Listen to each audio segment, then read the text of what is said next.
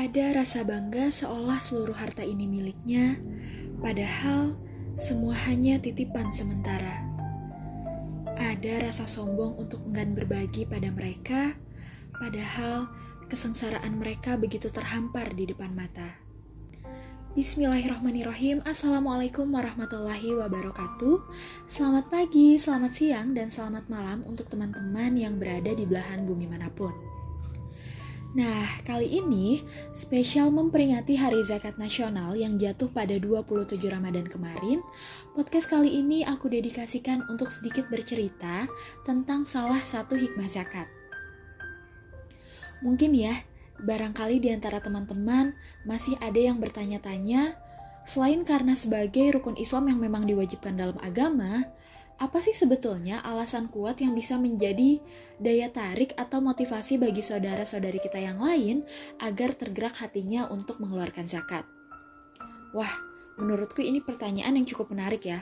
Karena ya kalau bisa gitu janganlah gitu sampai gimana sih? Janganlah jangan sampailah kita ada istilahnya sekedar menggugurkan kewajiban tanpa betul-betul mengimani esensi dari suatu ibadah tertentu kenapa kemudian Allah perintahkan.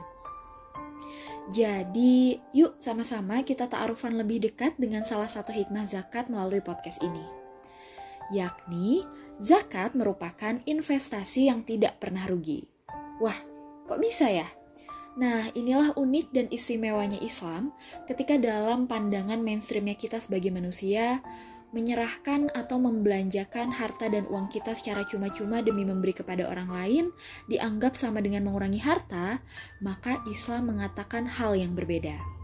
Khususnya dalam kacamata ekonomi syariah nih ya teman-teman, justru harta yang kita sedekahkan di jalan Allah melalui zakat atas dasar keimanan, itulah yang sebenarnya menunjukkan harta seorang muslim yang sebenar-benarnya.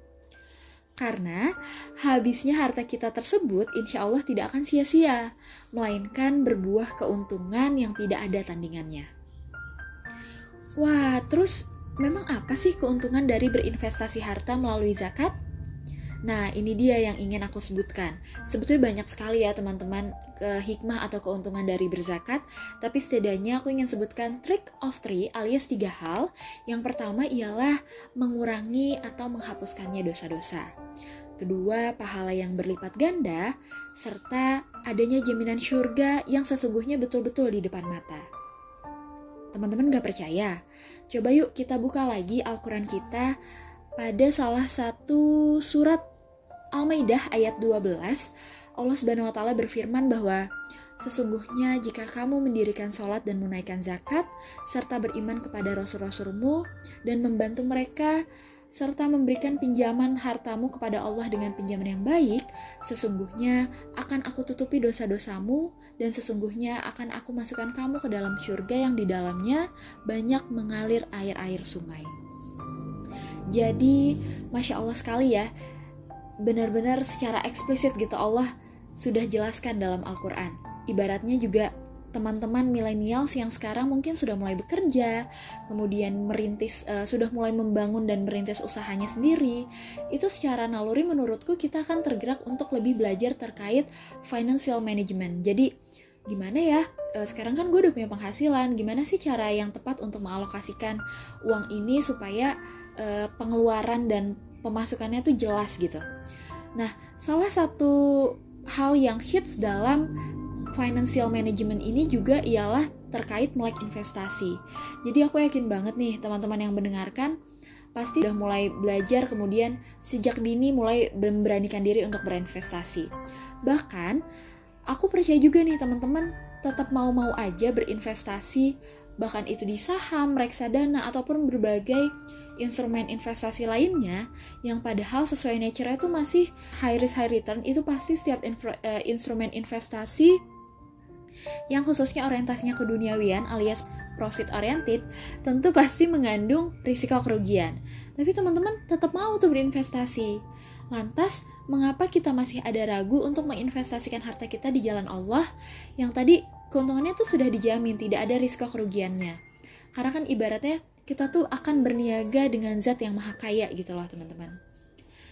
ini pun juga sebetulnya persis jika kita merujuk pada arti bahasa dari zakat itu sendiri. Dan teman-teman pasti sudah tahu ya bahwa zakat ini secara bahasa berarti bersih, tumbuh, dan berkah.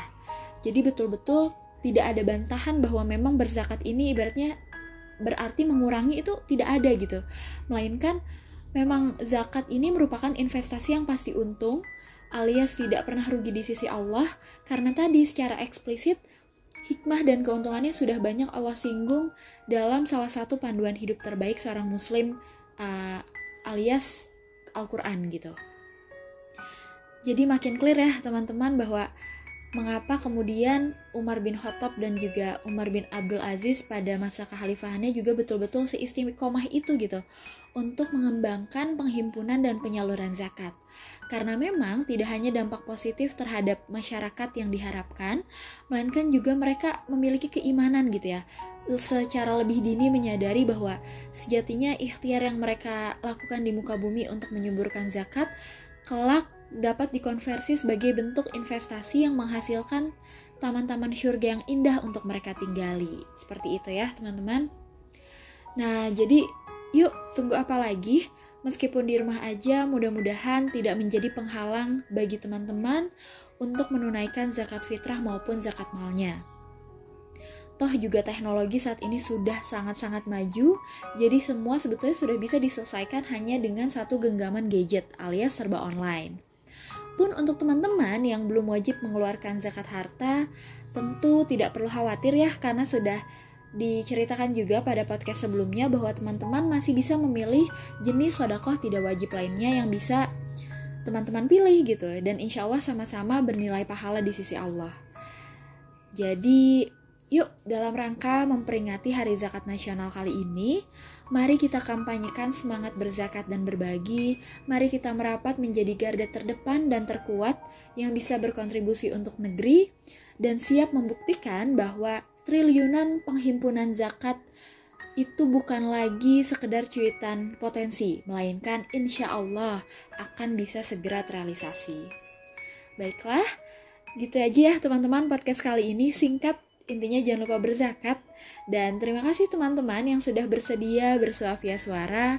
Terakhir, jika podcast ini dirasa membawa pesan dan kesan kebaikan, pastikan jangan berhenti di kamu ya. Sampai jumpa lagi. Wassalamualaikum warahmatullahi wabarakatuh.